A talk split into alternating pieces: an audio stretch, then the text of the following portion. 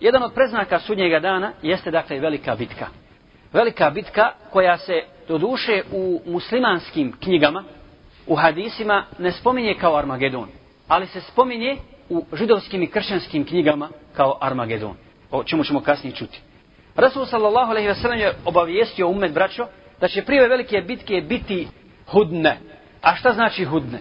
Da će biti primirje, odnosno sklopiće savez muslimani s kim? Muslimani će sklopiti savez i primirje sa rimljanima. A ko su rimljani? Često puta se spominju u hadisima i u našem razgovoru međusobno, a rimljani. A ko su danas rimljani? Amerikanci i europljani. I takav savez, odnosno takvo primirje, zar se već nije dogodilo? Zar danas muslimanski svijet u cijelini nije potpisao takvo primirje? I poslani sa selem u hadisu koji bilježi Buhari i drugi, od Aufa ibn Malika, kaže Auf ibn Maliku, broj šestero pred sudnji dan. Šta je to šestero što se desi pred sudnji dan? Pa kaže poslanik sa selem, moja smrt. Jer smrt poslanika sa selem je predznak sudnjega dana. Poslije njega nema više poslanika. I to je jedan od velikih predznaka sudnjega dana. Ili jedan od većih predznaka sudnjega dana. Zatim šta? Osvajanje kuca koji se desilo kada? Za vrijeme Omera radijallahu ta'ala, kada su muslimani osvojili kuc. Zatim, kuga koja će od vas mnoge usmrtiti i pozobati, koja se također desila u Šamu i odnijela je mnoge živote, živote mnogih ashaba, naše hađije koje prolaze tim područjem, svraćaju na ta mjesta, na grob Ubejdullah ibn Jarraha, zatim Muaz ibn Džebela i drugih ashaba. Zatim, četvrta stvar, obilje i metka, tako da će čovjeku kojem bude dato stotinu dinara, stotinu zlatnika, bit će srdit isto kao i prije toga nego što mu dao. Pa kažu islamski učenjaci zbog čega, a to se danas desilo. Mogu biti dva razloga. Da li zbog toga će biti visok standard života, pa neće čovjek možda ti 100 dinara kupiti možda ni kilu hljeba ili kilu banana, ili radi toga što će čovjek sam po sebi biti nezadovoljan. Vlada će nezadovoljstvo kod ljudi u njihovim dušama, tako da će biti nezadovoljan s tim, pa makar mu dao još toliko. Zatim peta stvar, fitna koja neće ostaviti ni jednu arapsku kuću. Poslanica se se ovdje kaže arapsku kuću. Ni jednu arapsku kuću, a da neće ući u nju. I savremeni islamski učenjaci, komentarišući ovaj dio hadisa, mnogi od njih kažu da su to ova savremena tehnička sredstva, kao što je televizor, video, internet i tako dalje. Ne aparati kao aparati, nego program koji se na njima gleda. A posebno u arapskom svijetu, koji je daleko bogatiji, puno bogatiji od, od nas ovdje, gdje se nude te stvari na velika vrata. I zaista je tako. Čovjek danas, mlad insan, bio mlad, bio star, nije bitno, ali posebno omladina, ne mora izaći iz kuće svoje, iza svoga stola i kompjutera, a da bude najveći pokvarenjak. Da se pokvari do dna. Šta se sve nudi na internetu? Od pornografije, od zla raznoraznih vrsta, od, od pokvarenosti i tako dalje. A također televizor. Dakle, to je ta fitna za koju kažu islamski učenjaci i objašnjavaju hadis poslanika sa veselne. Šesta stvar. Primjer je između Rimljana i muslimana koje će prekršiti Rimljani. Koje će prekšati Rimljani, a to je njihov običaj. To je njihov običaj i to je njihova osobina.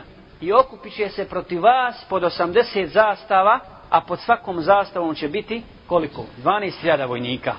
Imam Ahmed je Budavud, braćo, bilježe hadis sa Sahih Senedom, gdje kaže poslani se selem, sklopit ćete primjere s Rimljanima i borit ćete se, vi i oni, protiv njihovog neprijatelja. Muslimani i Rimljani.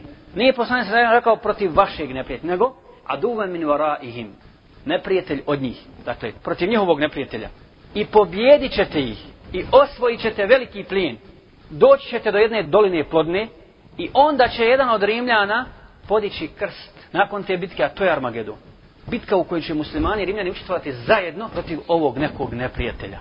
Neprijatelja Rimljana i pobjedit će zajednički osvojiti ogroman ratni plijen i onda će jedan od Rimljana podići krst i reći će pobjedio je krst pa će jedan od muslimana ubiti ovog rimljanina i reći mi se nismo za to borili.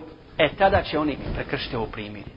I jednom hadisu, mada je u njemu ima slabost, da'af, dakle hadis je dajiv kod Ahmeda, se spominje da je poslanik sa rekao da će se rimljani nakon te bitke, dakle nakon Armagedona, za vrijeme koliko žena nosi svoj plod u utrobi, okupiti protiv muslimana. Dakle, nakon što izdaju muslimane, odnosno prekrše taj ugovor zbog ubijstva ovog njihovog čovjeka, okupit će se protiv muslimana. Ko je neprijatelj protiv koje će se muslimani ratovati zajedno s Rimljanima?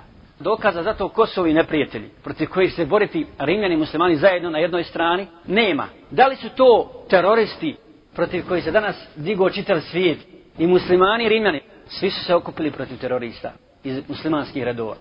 Iskopili su savez da se bore protiv njih. Moguće da smo i mi. Zatim, jesu li to kinezi i japanci, ili su to rusi, ili su šije, ili su židovi, Allah zna najbolje.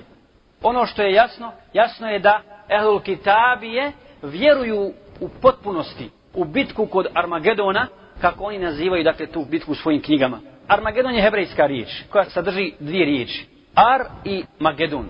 Ar znači uzvišenje ili brdo, a Magedon znači dolina. I ona se nalazi u Palestini. I u njihovoj knjizi Apokalipsi, to je onaj dodatak njihovom Talmudu židovskom, stoji doslovce ovako. Iskupit će se vojske čitavog svijeta na mjestu koje se zove Armagedon. I Reagan, bivši predsjednik Amerike, ako ste čitali i pratili, govorio, ove naše generacije su generacije koje će sigurno dočekati bitku kod Armagedona. Dakle, oni su uveliko govorili o tome i stalno govori. I kraj svijeta se neminovno veže za ovu bitku. Kod Armagedona, koja će dakle desiti u Palestini, a također za tu bitku se veže i silazak Isa alaihi salama, odnosno pojavu Mehdija.